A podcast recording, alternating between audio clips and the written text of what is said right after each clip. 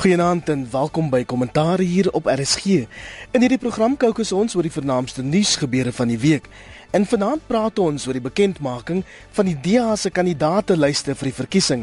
En ons kookus oor wat ons môre in die ANC se lyste kan verwag. Eugene de Kock se parol aansoek kom vanaand ook onder die loop, asook die land se vertoning by die Wêreldekonomiese Forum se beraad daar in Davos en die AMKU staking in Noordwes.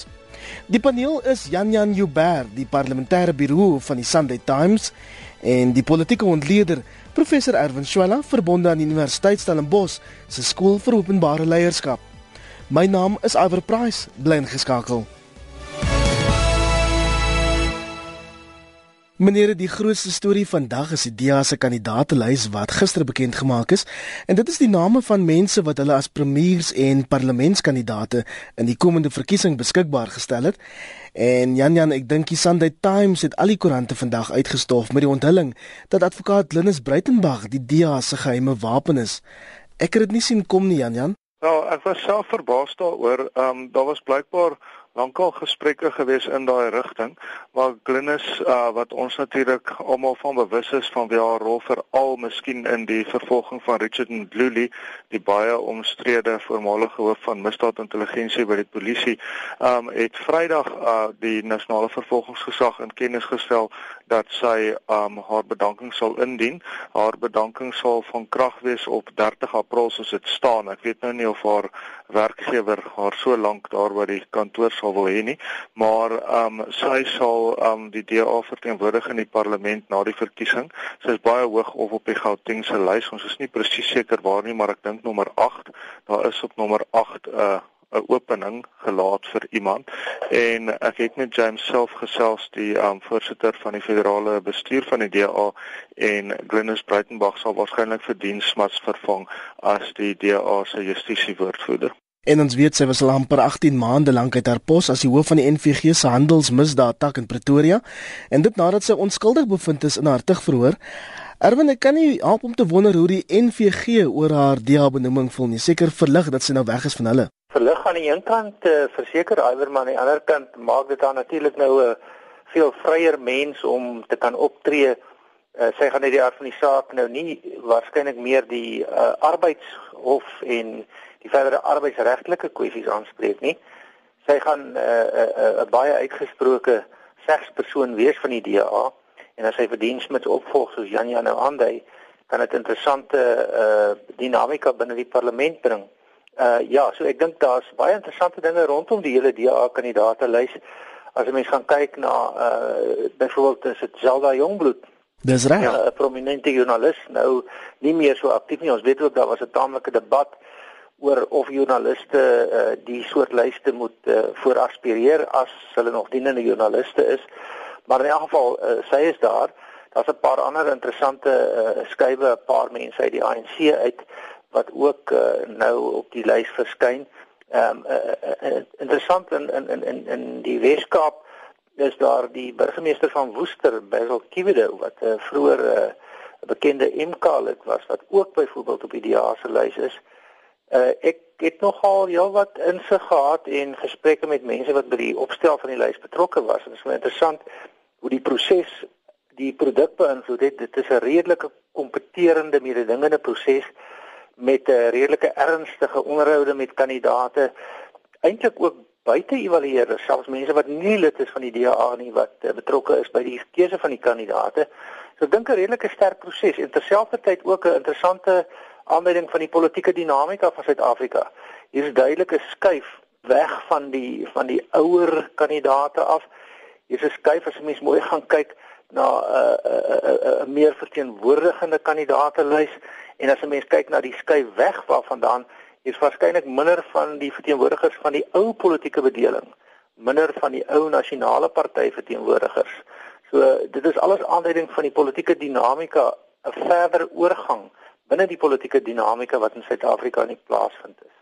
Ja, nee, ek wil nou net weer 'n bietjie op daai punt uitbrei, maar as ons kan terugkom na die joernaliste wat op die lys is of daar's baie name wat nog as vertroulik gemerk is en dit sluit glo baie joernaliste in. Die naam van die oud redakteur Zelda Jongbloed is beslis in en ek dink Zelda behoort baie goed te doen. Wel ek dink Zelda is 'n gemeenskapsmens deur en deur. Sy woon op Groot Brakrivier daar naby Mosselbaai en ek dink um, enige iemand daar in die Suid-Kaap sal weet sy is betrokke. Sy um hanteer op die oomblik nog ek, wel op die oomblik is 'n sterk woord, maar sy het gister se burger nog die um die um verbruikersrubriek van die burger waar mense kan kla as mense vir hulle indoen. Um hanteer ek is nie seker um hoe die burger daardie situasie gaan hanteer nie, maar ek dink Zelda Jongbloed het oor dekades haarself gevestig as 'n vegter en 'n kampvegter as ek daai woord kan gebruik vir mense se regte. Sy was baie jare lank betrokke um by die Kaapse pers um by The Herald die ou Engelse koerant en dan ook by Rapport natuurlik Rapport Metro se redakteur en later Weskaapse redakteur van Rapport. En uh, later uh, ook as adjunkredakteur van Rapport uh, toe sy in Johannesburg gewoon het en toe afgesluit as adjunkredakteur van die Burger. En um, Zelda is iemand wat haar nie laat rondstoot nie. Sy um, doen wat sy dink reg is. Ek dink uh, wat die DA betref, uh, hulle sal leer sy is meer lojaal aan haar kiesers as aan 'n party, maar uh, ek dink sy sal beslis die DA versterk. Daar's geen twyfel daaroor nie. Dis iemand vir wie se integriteit ek ontsettende hoë agting het en dis iemand wat ek baie goed ken. Iwer, ek dink jy het ook saam met haar gewerk. Dis reg, ek het ook in my jare daar by die burger met haar gewerk en ja, dit was 'n voorreg. Ook interessant is die oud RSG man Nikki van der Berg wat voor 2009 se verkiesing tot die DA gewerf is en hy's een van die wat beslis nie die paal genaal nie, Erwin daar's 'n baie intensiewe proses. Dit lyk asof die DA tot 'n baie groot mate ingekoop het op uh, bestuurstegnieke ook ten opsigte van die gebruik om uh, of die gebruike rondom hulle kandidaatelys. En uh, dit beteken eintlik dit word 'n hoogs mededingende proses. Mededinging in Suid-Afrika is natuurlik nie die enigste oorweging nie. Nadat jy die mededingende posisie bepaal het, moet jy ook gaan kyk na verteenwoordigendheid. Nou om terug te kom tot uh, tot Nikki. Um, ek dink ons het almal groot deernis vir hom uh, en uh, en hy het vir jare lank baie interessante radioprogramme op RSG geloods. Dit lyk egter asof in terme van hierdie twee stelle oorwegings die mededingendheid aan die een kant en dan aan die ander kant die belangrike uh, aspek van verteenwoordigendheid dit uh, dan nou moeiliker is vir die soort kandidaat soos wat Nikki is. Goed, uh, daarmee sê ek nie iets negatiefs nie. Ek sê om uiteindelik dan uh, in so 'n mededingende en verteenwoordigende lys uh, die paal te haal. Ehm um, in sekere opsigte dink ek is die DA besig met 'n proses om te sê die soort kiesers vir wie Nikki en as baie van hulle aantreklik mag wees, uh verteenwoordig op 'n manier dit wat ons in die verlede gehad het, maar wat ons in die toekoms wil hê word verteenwoordig deur 'n ander soort profiel. Ehm um, en dit is weer eens daai idee van 'n verskywing. Daar's definitief nog 'n transisie, nog 'n oorgang aan die plaas vind, ook binne die DA. En Jan Jan, um, ja, ek kan kom daarso. Ehm um, daai proses van Nikkie is afgeloop nie hoor. Ehm um, ek moet sê ek was nogal geskok om eerlike waarheid te sê met ehm um, waar Nikki um opgeëindig is uh, opgeëindig het maar kyk die ding is Nikki het die reg tot appel en dis 'n reg wat hy tans uitoefen. Ek het gister met hom gepraat en um ek dink daar is baie sterk gevoel in Afrikaanse kringe dat Nikki baie goeie werk gedoen het. Ek bedoel veral hier in die parlement het hy uh, die taalwet wat baie slegte implikasies vir Afrikaans sou gehad het deur sy uitstekende hantering daarvan en 'n klomp ander faktore ook maar hy het ook 'n baie groot rol gespeel dat die dele wat dit basies onmoontlik sou maak vir groot dele van die land om Afrikaans amptelik te gebruik um die, om dit uit daai wetgewing uit te kry is hulle woordvoerder oor kuns en kultuur en dit was daai portefeulje komitee wat die wet hanteer het. Voorts dink ek sy kiesafdeling werk in die Kaapstadwil omgewing, Kaapstadwil en Vogwel, die Merafong kiesafdeling wat 'n deksels moeilike kiesafdeling is, het hy baie baie goed hanteer. So ek is verras daardeur en ek is bewus daarvan dat mense baie hard gaan werk om hom terug te kry op daai lys. Daai lyste is nie finaal nie. Ehm um, daar is soos wat ons gesê het nog enkele openinge en ek is bewus daarvan dat Nikki ehm um, appel aanteken teen sy plek op die lys en ek dink uh daar is 'n kans dat hy kan terugkom in die parlement in. Baie interessante waarneming. Baie dankie daarvoor Janjan. En as ek die lys so bekyk is die DA amper in die hande van die jong tiere. Dis nou soos rapport dit vandag gestel het en baie van hulle is dan ook jonk en swart. En as ek die kandidaate so kyk, ek ken nou 'n paar van hulle en hulle is goed gekwalifiseer hoor Janjan. Ja, ons dink hier byvoorbeeld aan uh, as ek in die Weskaap um, kan sê Pumzile van Dam wat die media bestuurder van die DA in die parlement is, uh, politieke wetenskap agtergrond het, um, Zack Mbele wat mense sal ken as Elinzille um, se woordvoerder hierso ook 'n uh, politieke wetenskaplike, um, dan uh, natuurlik Musi Maimane die um bekende DA kandidaat in Gauteng en daaroor kan ons miskien gesels want Musi um sit op twee stoele. Hy um sorg dat hy kan inkom. Maak nou nie saak of hy premier van Gauteng word soos wat hy beweer. Hy glo hy gaan nie. En of hy nou misluk dan kan hy parlement toe kom nie. Sal hy Malatsi in Limpopo. Limpopo interessante situasie met Desiree van der Walt op pad terug parlement toe wat vir mense bekend sal wees. En um Jacques Smalle die provinsiale leier van die DA wat um terugkeer na die wetgewer toe.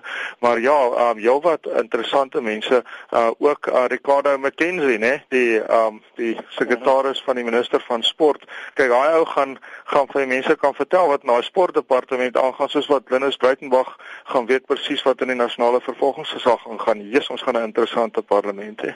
En die volgende skuif is die ANC se. Die party behoort al môre sy kandidaatelyste bekend te maak.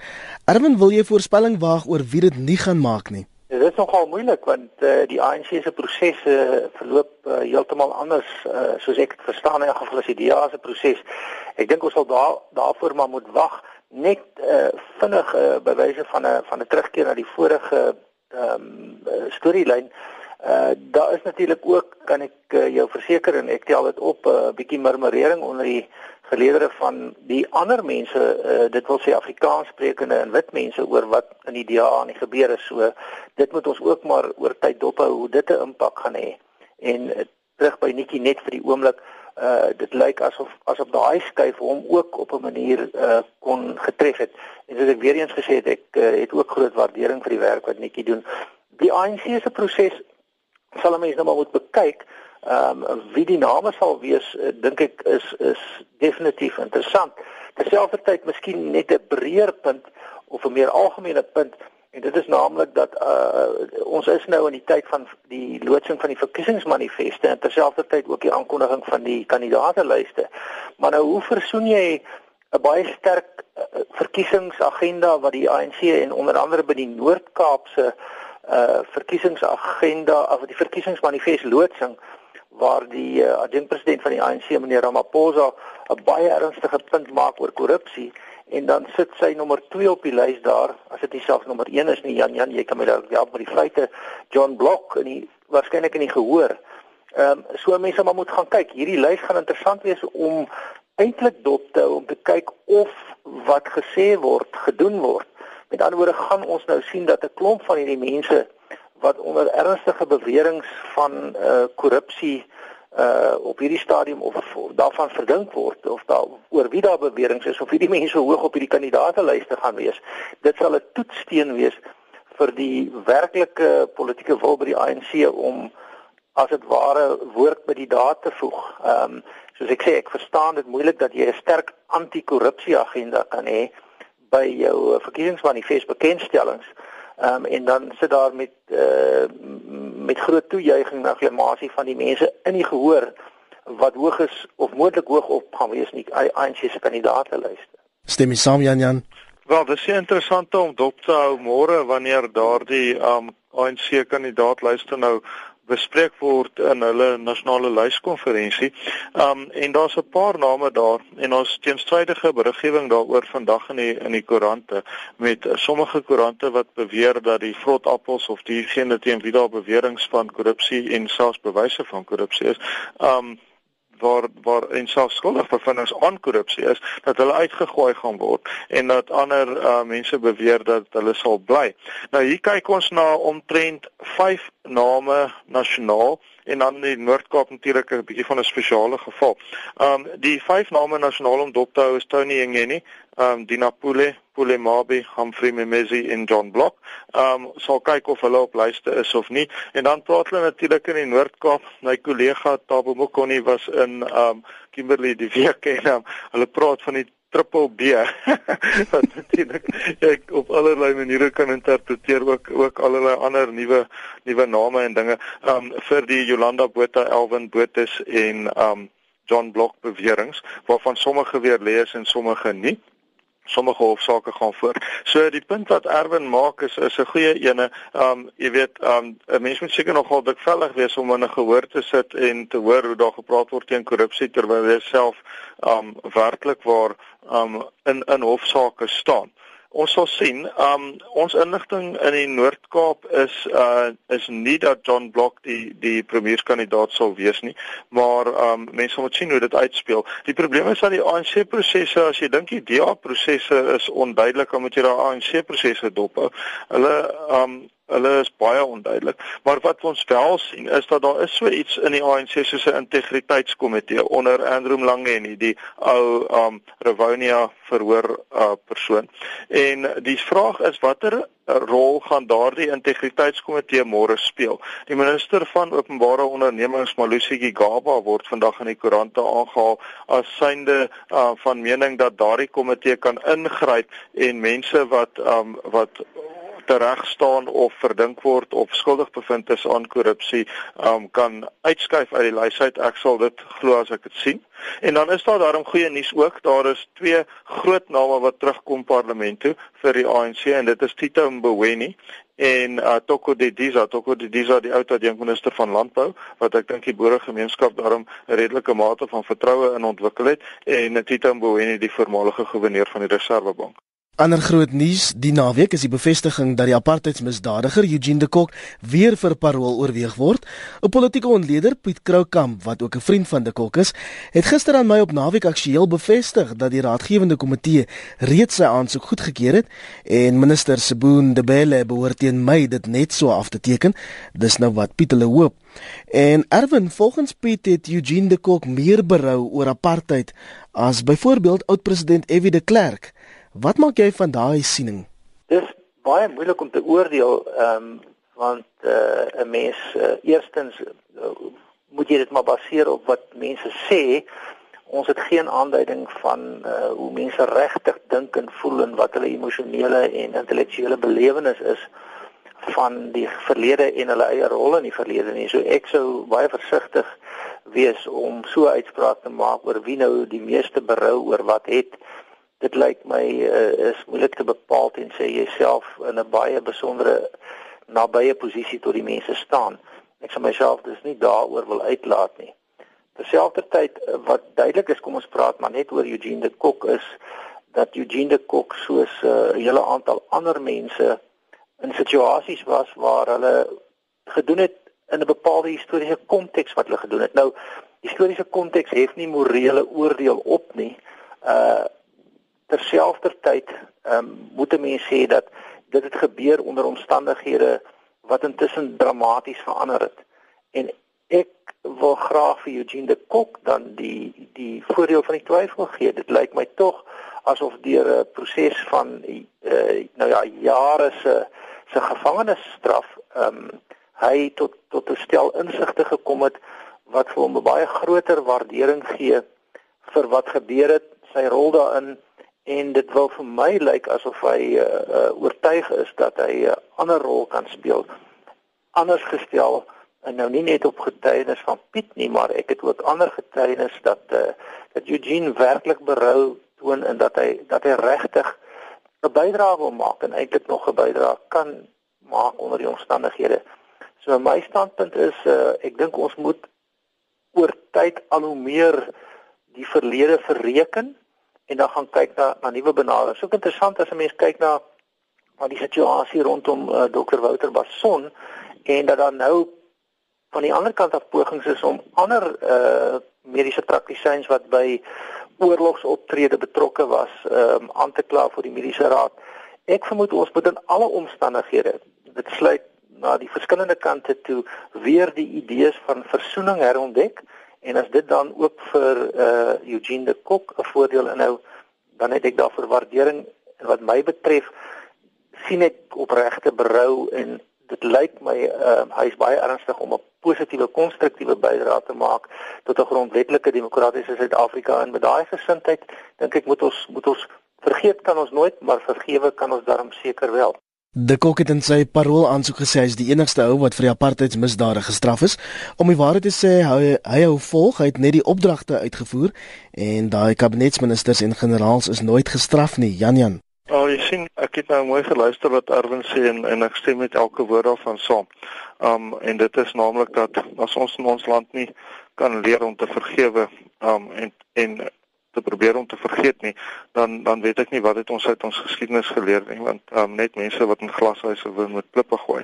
Maar wat ek nie van nou nie, um, is daai ingesteldheid van die kok en diegene wat hom ondersteun dat hy nou die enigste een is wat boet en dat daar eintlik mense is wat nou veel erger gedoen het en en wat dat hulle nou van meneer de Klerk wat hom wragtig vir die land verskriklik baie gedoen het. Um jy weet wil wil vergelyk. Uh, dit is dis sommer ons in ek dink Eugene de Kok moet moet sy saak op sy eie meriete veg en ander mense uit dit uitlos.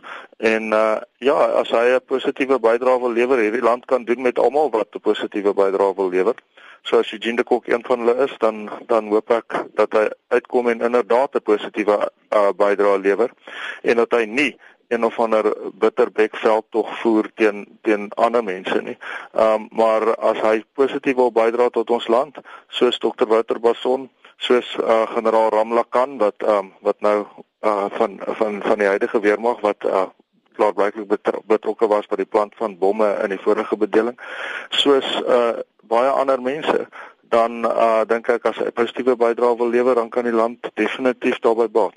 As jy dalk laat bins ingeskakel het, jy luister na 'n kommentaar op RSG. Jy is welkom om my op Twitter te volg en jou mening oor die sake van die dag te tweet aan Iver Price en Erwin, jy tweet ook. Waar tweet jy? Ek is by SPL Stellenbosch, waar ek baie versigtig moet wees om nie my persoonlike standpunte te sterk laat deurkom nie.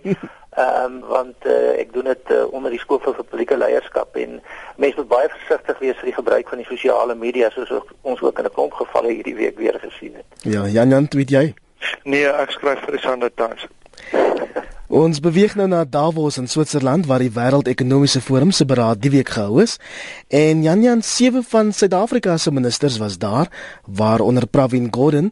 Die nuusdekking daaroor was maar skraps hier in Suid-Afrika, maar hoe dink jy het die land gevaar? Met Davos is een van die groot geheime dat daar nie spesifieke uitkomste gekoppel word aan die besprekings nie. Um Erwin sal waarskynlik heelwat meer weet daarvan as ek, maar my verstaan daarvan is dat dit eintlik meer tyd skep vir mense om met mekaar te kommunikeer in 'n omgewing waar daar nie soveel druk is nie. Met ander woorde, iemand soos Pravin Gordhan kan gaan gesels met 'n groot finansier, um finansierder of sakeman of of so of so iemand, maar daar's nie 'n spesifieke uitkoms wat sê nou gaan ek soveel belê in Suid-Afrika of wat ook al nie. Dis meer 'n vertrouens uh, 'n uh, skep van vertroue tussen mense wat 'n groot rol speel in die um in die geldsektore wat kan belê of wat lande se um se ekonomie bestuur of wat uh, kenners is op akademiese vlak um van die ekonomie.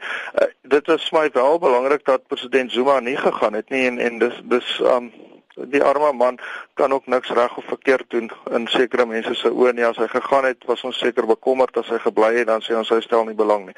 Um aan die ander kant sal mense sê as hy gaan uh jy weet hy moet in die land wees en as hy in die land is dan is hy ten minste by sy mense en dit in 'n verkiesingstyd. Maar um ek is seker Pravin Gordhan sou 'n saak vir ons land gemaak het en ons het dit nodig. Die rand is besig om te val, nie net die rand nie, die ander um geldeenhede van die ontwikkelende markte ook. En mense hoop en bid maar dat dat alles goed afgeloop het vir ons daar. Ek dink daarom dat Pravin Gordhan um so goed sou gevaar het as wat ons land kon.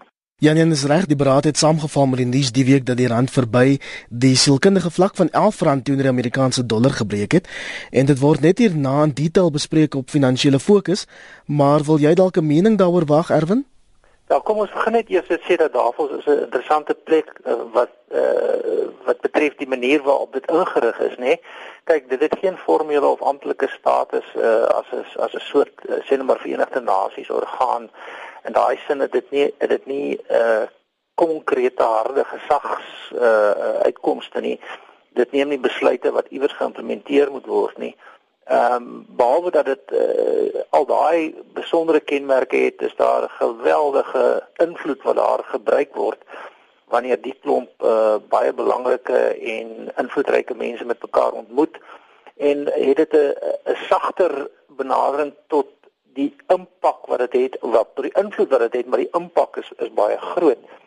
As jy mense ontleding hiervan wil maak, kan jy gaan kyk na die implikasies wat dit het op internasionale vlak en dan natuurlik ook op nasionale vlak. Met ander woorde oor die wêreld heen en in Suid-Afrika. En dit het natuurlik iets te maak met ekonomie en politiek. So as jy mense gaan kyk byvoorbeeld na die internasionale ekonomiese aspekte, dan uh, gaan dit oor die skep van van vertroue. Dit gaan oor die skep van 'n vorm van belangstelling. Dit gaan oor 'n vorm van bemarking. En as ons gaan kyk na Suid-Afrika dan spesifiek in terme van die die ekonomiese impak, ehm um, gekoppel natuurlik nou aan al die ander goed uh, in 'n storie waaroor ons dalk nog kan praat, goed soos die Amkomyn stakings, die diensleweringproteste. Vind jy dan dat dat jy moet daar gaan en jy moet op 'n of ander manier mense gaan oortuig dat hulle nog steeds vertroue in jou land se ekonomiese en politieke stelsel kan hê. Nou dit wil lyk asof ons dit uiters nodig gehad het en gelukkig lyk dit my het ons 'n baie bekwame span ministers daar gehad want 'n aanduiding van die probleme wat ons het in ons politiek en ons ekonomie is juis die feit dat die rand uh, in 'n soort vryval beland het. So ehm um, ek dink dit is 'n baie belangrike uh, platform, 'n forum Ek dink dat uh, daar is sterk positiewe boodskappe uitgedra as ons kyk na die die internasionale politieke dimensies. Jy kan verseker wees as 'n mens kyk na die beelde dan staan minister Gordon teen die agtergrond van van Madiba, nê, nee, uh, uh, oud president Mandela. So daar's 'n sterk simboliese politieke kommunikasie om ons land se beeld daar uit te dra. Terselfdertyd is dit nie 'n maklike beeld op hierdie stadium om uit te dra nie, want daar's 'n klomp kwessies. So daarvoor is van groot belang en dit het uh dink ek nie met ons te sleg gegaan nie. Ons het nog steeds 'n klomp goeie wil en goeie gesindheid in die wêreld. Uh en ons sal dit moet bewaar. Laaste punt net miskien is is dat Suid-Afrika op die vasteland van Afrika 'n besonder belangrike rol speel omdat ons gesien word as die sterkste ekonomie.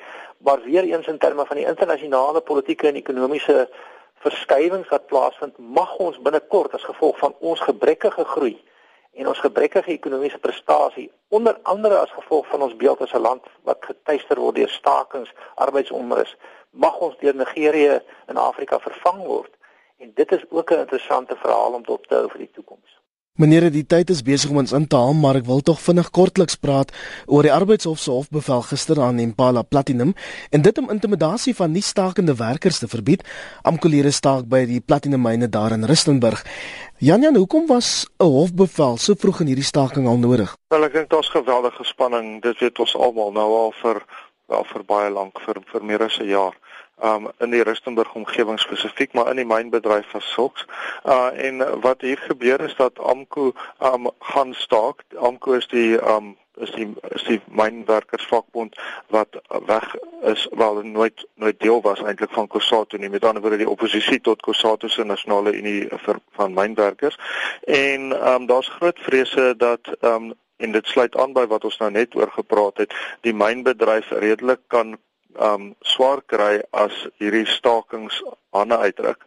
En um platinum bedryf is vir Suid-Afrika ontsettend belangrik en uh, ek dink daar's kommer dat 'n volskaalse bakleierery kan volg tussen noem die nasionale unie van mynwerkers wat Kusatu geaffilieer is en nader aan die ANC staan en um met al daai Marikana agtergrond uh aan die een kant en AMKO aan die ander kant wat die meer linkse uh, vakbond is wat nader staan miskien aan waar die wegbrekers uit Kusatu um hulle gaan bevind en in die aanloop tot die verkiesing sekerlik nie pro ANC sal wees nie. So ek dink ons moet maar op jette kole wees oor wat daar gebeur en ek dink dis dis die agtergrond tot die hofbevel. Die hofbevel poog om intimidasie en dis geweld te verhoed. Ek weet nie wat dink Erwin nie. Erwin?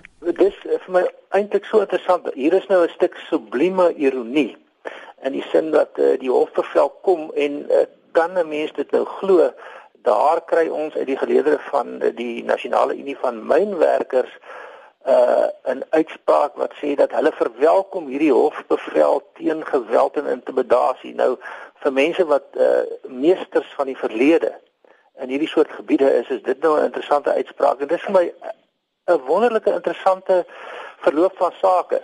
want dit dui op 'n breër politieke konteks, nog 'n oorgang. Ek dink ons kan eintlik 'n studie maak van oorgange. Ehm um, waar ons nie verlede gehad het dat uh, dat die nasionale unie van mynwerkers kort gekoppel aan die ANC en natuurlik baie sterk uh, anti-kapitalisme en teen die mynbase is waar hulle uh, self by van hierdie dinge betrokke was is hulle nou die mense wat die hofbevel verwelkom. Nou dis 'n wonderlike kentering en ek en ek dink dis ook 'n goeie ding. Die breër konteks wat hier interessant is is, is die verskywings ehm um, die die ANC dink ek word gekonfronteer met die feit dat dat hulle ondersteuningsbasis basis wat 'n soort hegemoniese magsblok was aan die verander is ons weet mos nou dat dat uh, nie die nasionale unie van mynwerkers nie, maar die nasionale unie van metaalwerkers het reeds ernstige standpunt ingeneem en gaan nie die ANC ondersteun in die volgende verkiesing nie. Binne die nasionale unie van mynwerkers wat hulle wel ondersteun is daar nou 'n afsplitsing. Kyk AMKO en die en die NEM was vroeër maar dieselfde geleedere.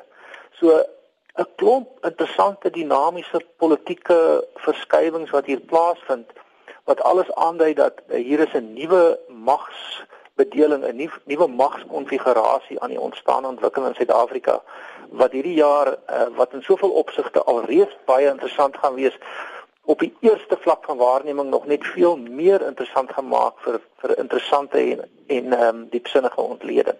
Jan Jan ons sal ook nooit Marikana kan vergeet nie en om die waarheid te sê in die laaste week weer was daar weer voorvalle waar betogers glo aan die hand van die polisie doodgeskiet is. Ja, Iver, dit is 'n kommerwekkende situasie dat die polisie geweld in ons land net besig is om toe te neem.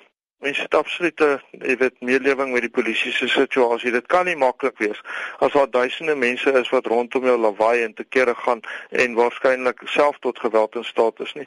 Maar ongelukkig, ons almal se werk dra iets daarmee saam wat, wat beteken dat ons onsself moet inhou en moet dissiplineer. En die hoogste gesag in die polisie gaan absoluut daarvan moet werk maak dat ons nie situasies het soos by Brits hierdie week en by Marikana um die um 2 jaar gelede uh, en blykbaar was daar selfs van dieselfde polisie uh, personeel betrokke. Daar is so iets soos die reg om te proteseer in ons land en dis die ongelukkige taak van die polisie om daardie reg te beskerm ook wanneer dit moeilik is. Maar ek skat die belangrikste is AMKO-lede het 'n reg om te staak, maar dan moet hulle by die staking reëls hou. Hulle het die reg om te staak en hulle het nie die reg om enige iemand te intimideer om saam met hulle te staak nie. Daardie reëls is heeltemal duidelik en dit moet afgedwing word deur die polisie.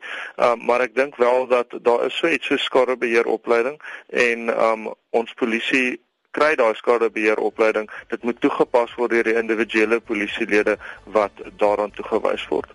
Nou ja, politieke ontleding op sy beste. Dis dan alwaarvoor is tyd het vanaand op kommentaar.